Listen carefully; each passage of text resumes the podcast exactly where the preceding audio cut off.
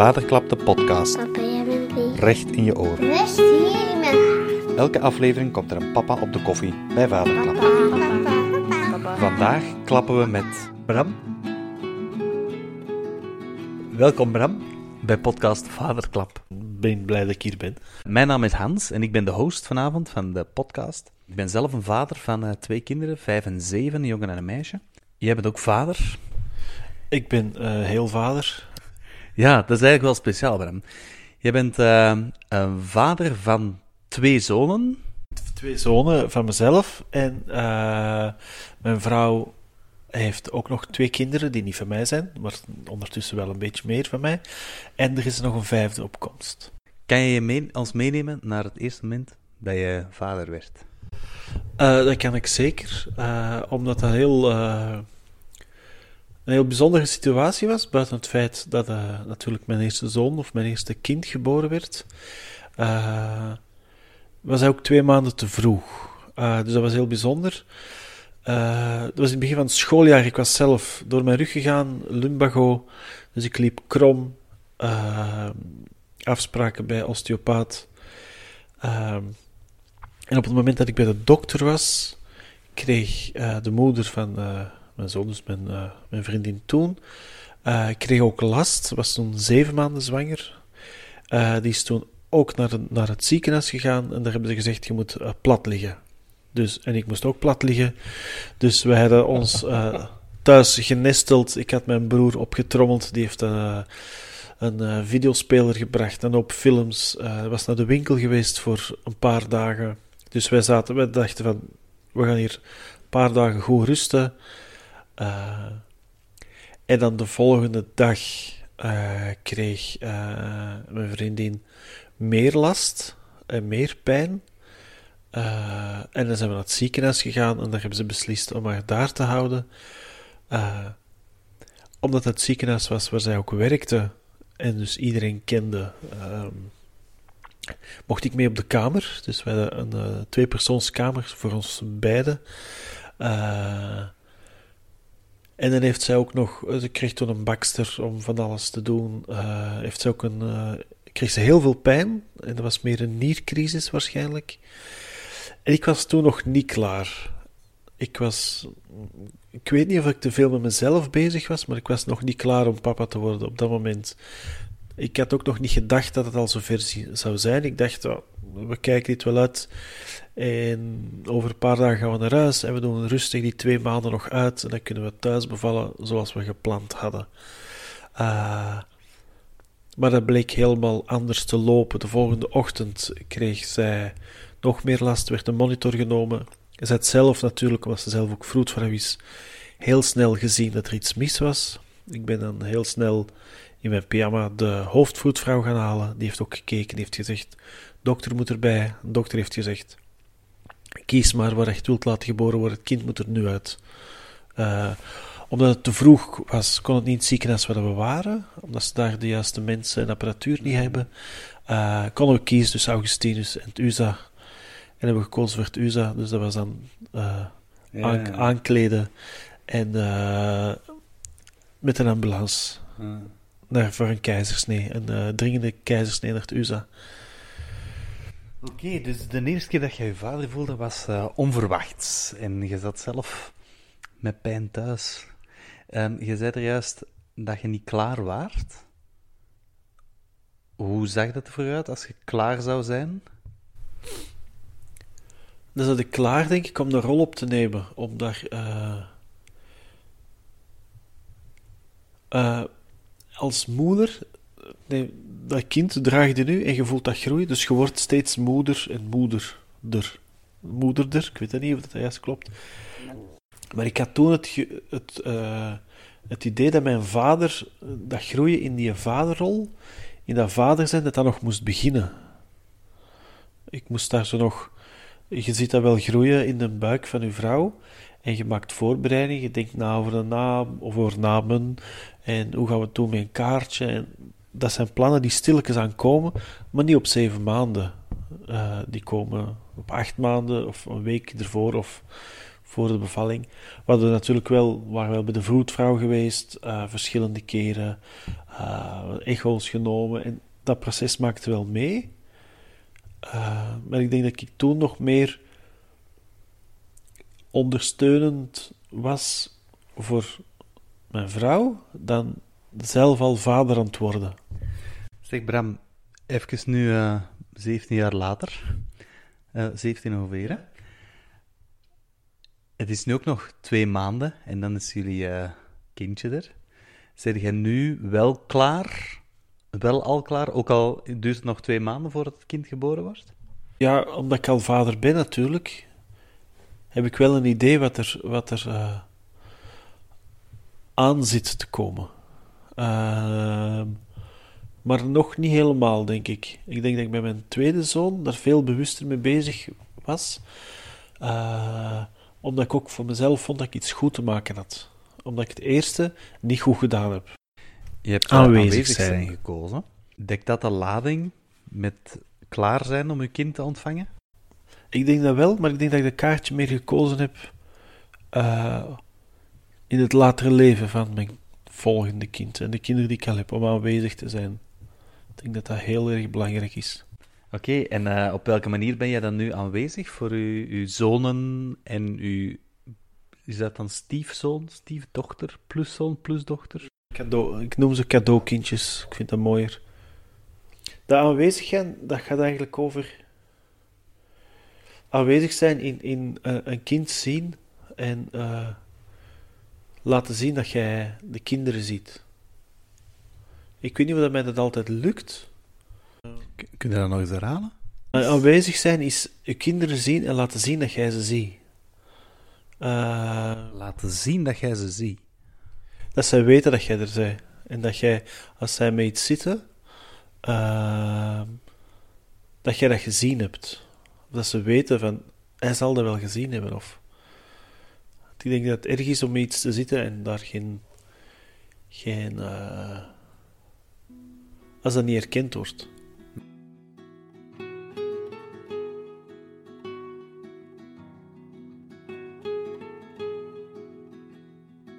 Nieuw avontuur. Ja, over twee maanden komt er een nieuwe bij. En dat is na uh, eh, 13 jaar opnieuw biologische papa worden. En dat is, dat is een stuk wel spannend, dat is ergens instappen. Dat is ook een heel erg verbindenis met mijn vrouw, waar ik natuurlijk ook wel drie maanden geleden mee getrouwd ben. Dus ik heb daar wel een duidelijk engagement. Uh, het is wel een avontuur om te zien hoe dat, dat in ons gezin dat we nu hebben en dat zo wat vorm heeft, hoe dat, dat daarin gaat passen. Uh, hoe, ga, hoe gaan die, die verhoudingen veranderen? Voor de twee oudste ben ik daar wel gerust in. En voor de twee jongste uh, vind ik dat wel wat spannender. Ik ben daar niet ongerust over, maar dat gaat wel iets doen met die kinderen. Ineens gaan ze weer aandacht moeten delen. Ik merk dat nu al als hun uh, moeder met mij bezig is. Of als hij aan het telefoneren is, maar ik denk dat het met alle kinderen is, dat die zo'n soort radar hebben. Ah, papa is aan het telefoneren, ik kan nu allemaal vragen stellen. ik kan wel roepen. Ja, ik kan wel roepen.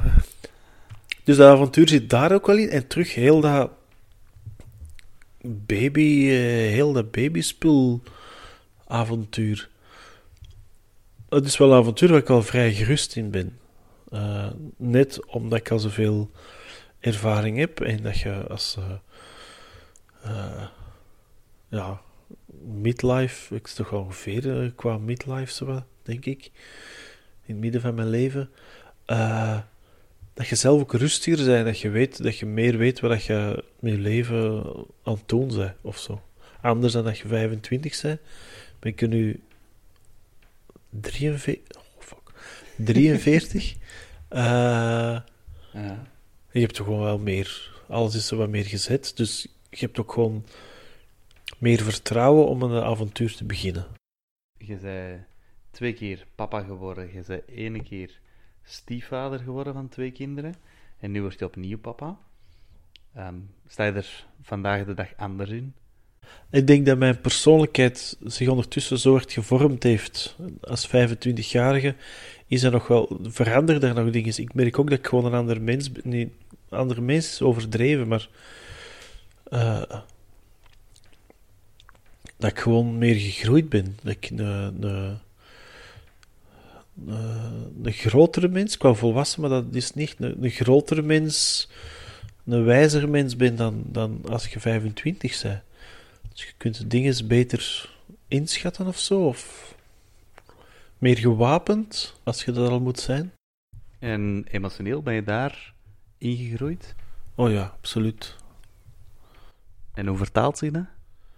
Een aantal mensen hebben tegen mij gezegd toen ik rond mijn dertigste was, dat ik eh, compleet geen empathie heb. Zoals in, jij hebt geen empathie. En ik moest daar dan van alles voor doen en zo. En een aantal jaar heeft nog iemand anders dat iets gezegd.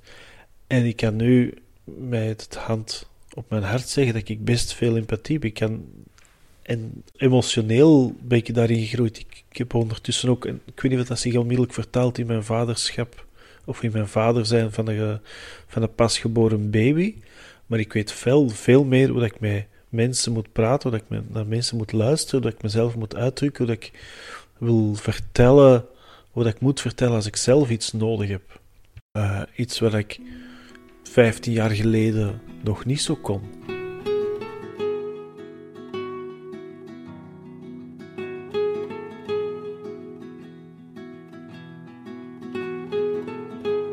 Verantwoordelijkheid. Die, ik heb verantwoordelijkheid, de kaartje verantwoordelijkheid zelf gekozen, omdat dat iets is. Daar zit mijn angst wel een stuk. Dat ik, ben verantwoordelijk voor ondertussen een hoop kinderen. Ik ben ook verantwoordelijk voor het feit dat die er gekomen zijn. Ik moet je eten geven, ik moet je kleden, ik moet zorgen dat hij gezond is, ik moet zorgen dat hij, dat, zorgen dat hij zich goed voelt, dat hij, uh, dat hij een goede mens wordt. Ik vind die, dat is best veel verantwoordelijkheid. Nee, ik als, ik dat zo, als ik dat je zo hoor noemen, ik moet zorgen dat hij gelukkig is, ik moet zorgen dat hij een goede mens wordt, dat is een serieuze verantwoordelijkheid. Ja, en dat is ook zo. Er zijn factoren die je niet in de hand hebt, maar een heleboel wel. Jij moet als vader of als ouder of als opvoeder of wat dan ook, moet jij je kinderen leren om op een goede manier in de, in de wereld te staan. En uh, niet te leren dat het niet oké is om iemand anders te meppen als die niet zegt dat u niet aanstaat. Of om te leren om je gevoelens te tonen, of dat dat mag, of wat dan ook, hoe, hoe dat je in de wereld staat. En, hoe leren jouw kinderen dat? Uh, praten en het voorbeeld geven. Hoewel het niet altijd gemakkelijk is, omdat je het zelf ook. Uh, well, soms gaan dingen ook te ver, dat je het zelf ook wel eens verliest. Praten en zeggen wat er wel, wel niet oké is. En, en, kinderen daarbij helpen om, als ze het moeilijk hebben, om dat, om dat te gaan bijsturen. Hmm. Ik denk dat de verantwoordelijkheid ook in zit. Jij hebt gekozen voor dat kind dat kind heeft, heeft dat niet gekozen. Die heeft geen verantwoordelijkheid als kind om op te groeien tot een goede mens. Dan moeten als ouders moeten dat, ervoor zorgen. En als die volwassen is, of als die dan nog adolescent is, kan hij dat zelf in de handen nemen. Maar als een kind zich ongelukkig voelt, die doet dat nooit expres. Of als die, uh, als die vervelend gedrag stelt, wil zeggen dat hij zich niet goed voelt. En daar heb jij als ouder de verantwoordelijkheid voor omdat jij die zijn, uh, zijn, zijn thuis moet geven en jij moet zorgen dat hij zich goed voelt. Voor zover dat, dat kan natuurlijk. Er zijn een aantal mhm. dingen die, die, die je niet kunt rechttrekken of wat dan ook. Maar als een kind weent omdat hij honger heeft, ja, dan is dat uw verantwoordelijkheid om te zorgen dat hij eten heeft. Uw oudste zoon is uh, eh, 17. Op welke manier ben jij nog verantwoordelijk voor hem? Uh, ik ben verantwoordelijk voor ja, basisbehoeften. Eten, onderdak, zakgeld, liefde, voor zijn gezondheid. Zulke dingen, en zodat hij, dat, dat, hij, dat hij zich gelukkig voelt. De verantwoordelijkheid neemt af, omdat hij nu zelf ook beslissingen neemt. Als hij op zijn kamer zit en die heeft huiswerk, is het zijn verantwoordelijk om zijn huiswerk te maken en niet andere spelletjes te spelen. Dat is niet meer mijn verantwoordelijkheid. Het is wel mijn verantwoordelijkheid om daar aanwezig te zijn en te zorgen dat hij dat weet, dat ik, dat, dat ik het weet dat hij huiswerk heeft. Klaas, heb je huiswerk? Dat is mijn verantwoordelijkheid om dat te bevragen. En dan kan hij zeggen: Ja, en ik ga dat maken. Ja, ik heb dat gemaakt. Nee, maar het ondertussen wel hebben. En dan is dat, als, er dan, eh, als daar gevolgen aan komen, is dat voor hem. Ja. Eh, en ik denk dat dat met een tweede ook zo is. Die moet nog wat meer, nog een paar keer bijvragen. Dan zou het al niet beginnen maken. Maar eh, ze worden meer verantwoordelijk voor hun eigen keuzes. Als hij uh, s morgens met de fiets vertrekt en die kiest ervoor om geen jas aan te doen, dan is dat. Hij weet dat, dat het dan koud zal zijn. Ik zal wel zeggen, moet hij geen jas aan doen en dan kan hij kiezen om daar eh, iets mee te doen of niet.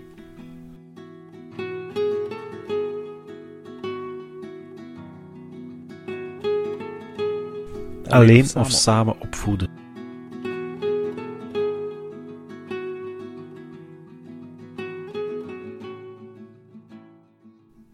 Je bent nu getrouwd met Marie.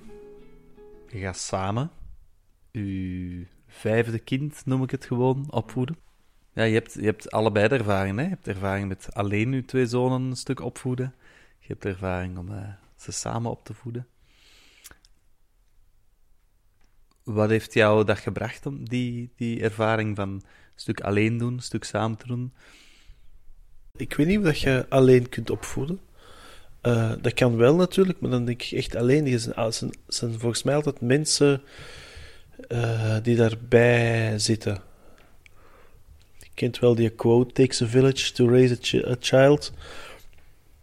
Ik geloof daar wel in dat je dat bij een aantal mensen samen doet, met mensen die daar in de buurt zijn. Eh, grootouders, vrienden.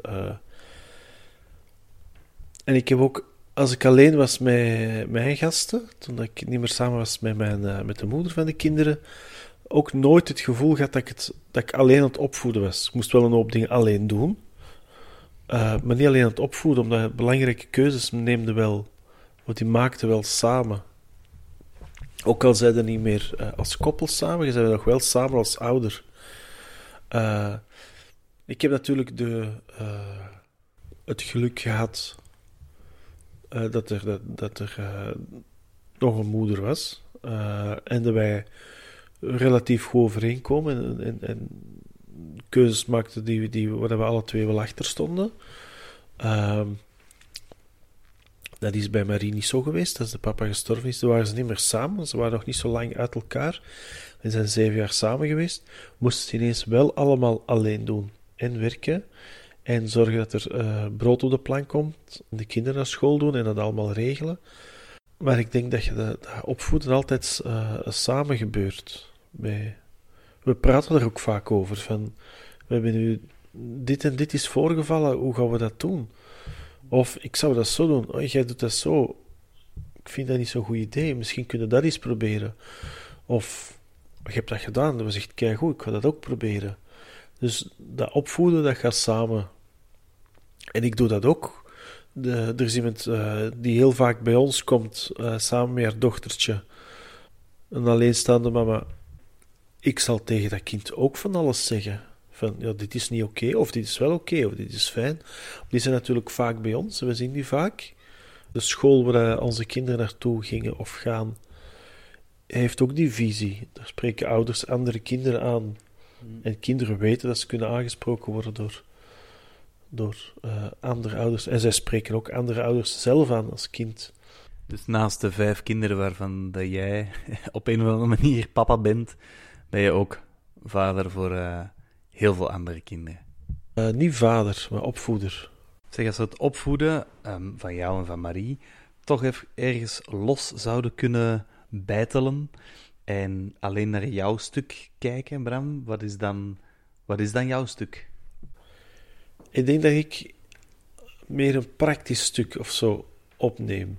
Dat heeft ook te maken met dat Marie vaak laat werkt, eh, of onregelmatige uren heeft, en dat ik een hoop van die dingen moet opvangen. Of, of gewoon voor mij, of voor mijn rekening nemen. Ik denk dat ik soms meer de rust kan bewaren, maar ik denk ook praktisch, een beetje meer plannen. Van oké, volgend weekend, Marie is er twee dagen niet. Dan moet ik nu maandag al plannen dat er dingen gebeuren. Dat er iemand komt spelen, of dat er kindjes, dat ze zelf kunnen gaan spelen, dat er iets te doen is. Ehm, wat, is, wat is jouw specifieke ehm, ja, bijdrage in het opvoeden? Wat, wat komt er specifiek van u als, als, als vader, als Bram, als mens? Ik denk, en dat is zeker bij Toon en Klaas zo, dus bij mijn gasten, dan bij de twee jongsten, is eh, kennis, verwondering, zo dingen van praktische dingen, hoe zit dat in elkaar? Ah, dan komen ze bij mij. Eh, nu, Marie zelf ook, die weet zelf ook best veel. Soms vind ik dat vervelend. Ik denk wel, hé, vraag dat eens aan mij, ik weet dat ook.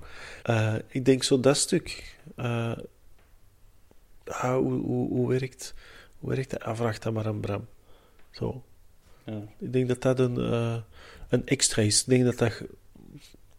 Moesten dat in het... eh, volgens de moderne wiskunde eh, met een Venn-diagram zijn, dat er een heel groot overlap is. Een heel grote... Hoe heet het dan?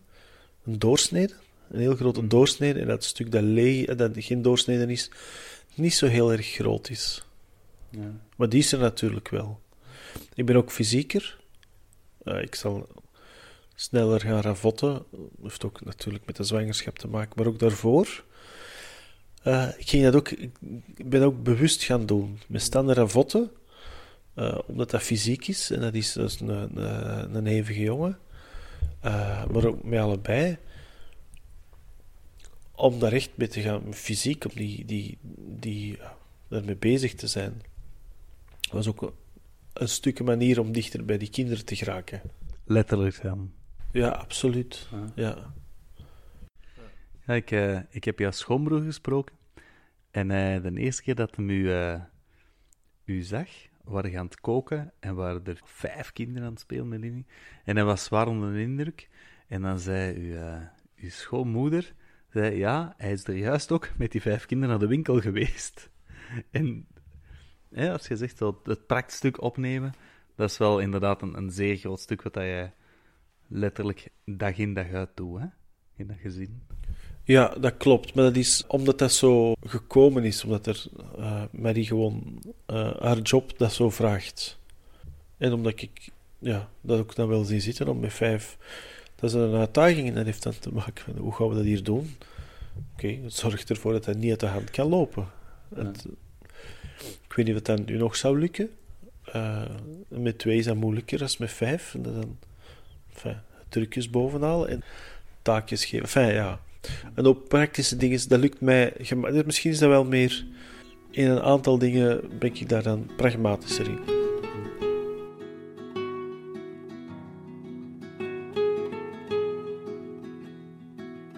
Genieten.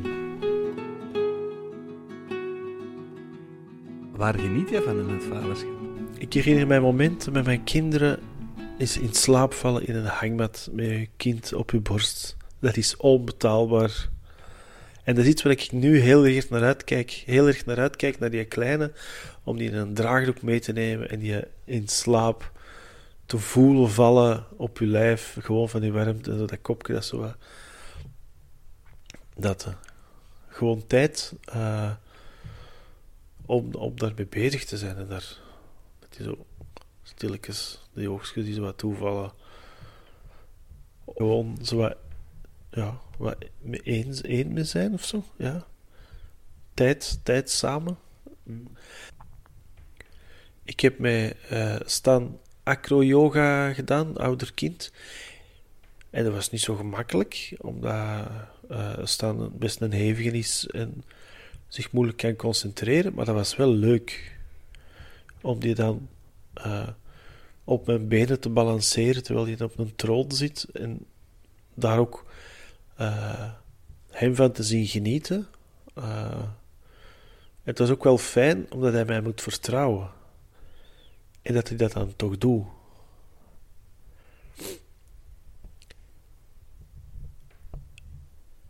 Wat ik echt naar uitkijk is om terug met het, het verse kind te, daar veel van te genieten, omdat we een tijd pakken. Ik, heb ook, eh, ik ga ook een dag per week eh, thuis blijven, mijn ouderschapsverlof opnemen, om daarmee bezig te zijn, om daar eh, van te kunnen genieten, om daarmee te spelen, om die bezig te zien en zo.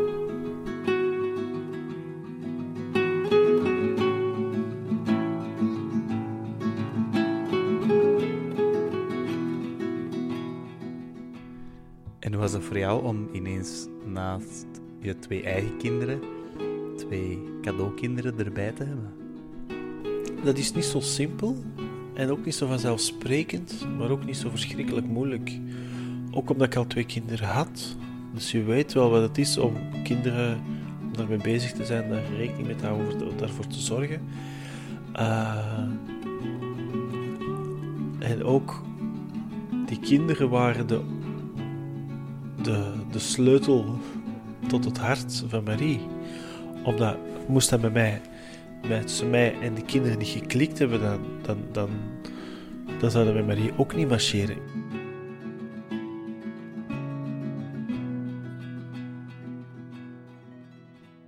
Dankjewel, Bram. Dat is graag gedaan.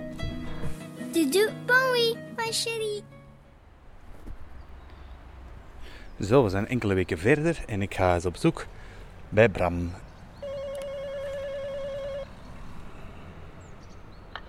Hoi, Hallo, is dat hier bij Jan? Jan. Ja, kom maar Right.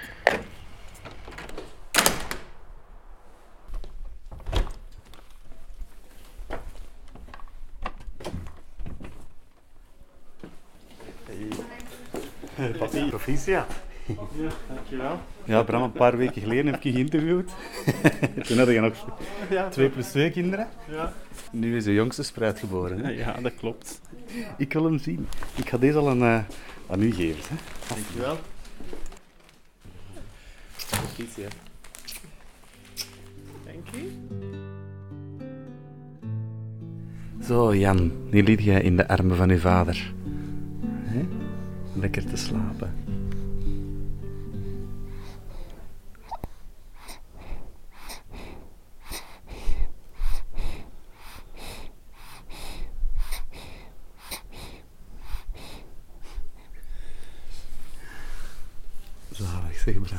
Wat doet dat met u? Zo terug een klein kindje in armen. Ja, het voelt een beetje alsof het ehm, er al heel lang is, terwijl het nog maar twee weken is. Ehm, het is heel rustig. Het verplicht u ook om rustig te zijn. En niet dat ik anders dan een onrustige ben, maar... Ja, ik vind het wel heerlijk. Ja. En het verandert ook... ehm, nu dat ik twee weken thuis ben en de kinderen allemaal naar school... Het geeft ook tijd om eh, zo met ons drieën, met Marie en ik, en die Jan zo wat samen te zijn en zo wat dingen in de plooi te laten vallen. Ja. Familietijd. Ja, zoiets. Steeds ben ik hier voor jou, mijn kind. Steeds zit jij in mijn hart. Ik vraag me altijd af, je kunt er zo'n tijd naar kijken. Hè. Wat gaat er om in een kopje? Wat gebeurt er allemaal? Dat moet toch een ongelooflijke... Moet nog keiveel gemaakt worden. Mhm. Hoe dat, dat allemaal eh, gebeurt. Kan je al denken? Kan je al zien? Wat hoort hij? Hoe is dat?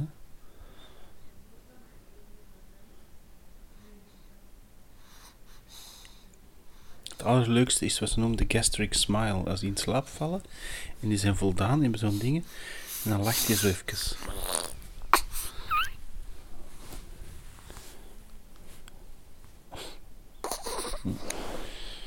En wat ook leuk is, we kunnen die laten kakken op, op commando. Als hij zo da- eh, krampjes heeft, en dan liggen die op de leiertafel. Die ligt heel graag in zijn bloot gat. En dan ligt hij zo wat rond te kijken. En dan pakt hij zijn beentjes, je doet die tegen zijn buik. En dan draai je met de wijzers van de klok. En dan... Dat is echt waar, hè?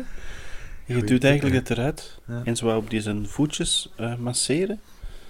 En dan stimuleert je dat wat. En dan is dat verluchting. Ja,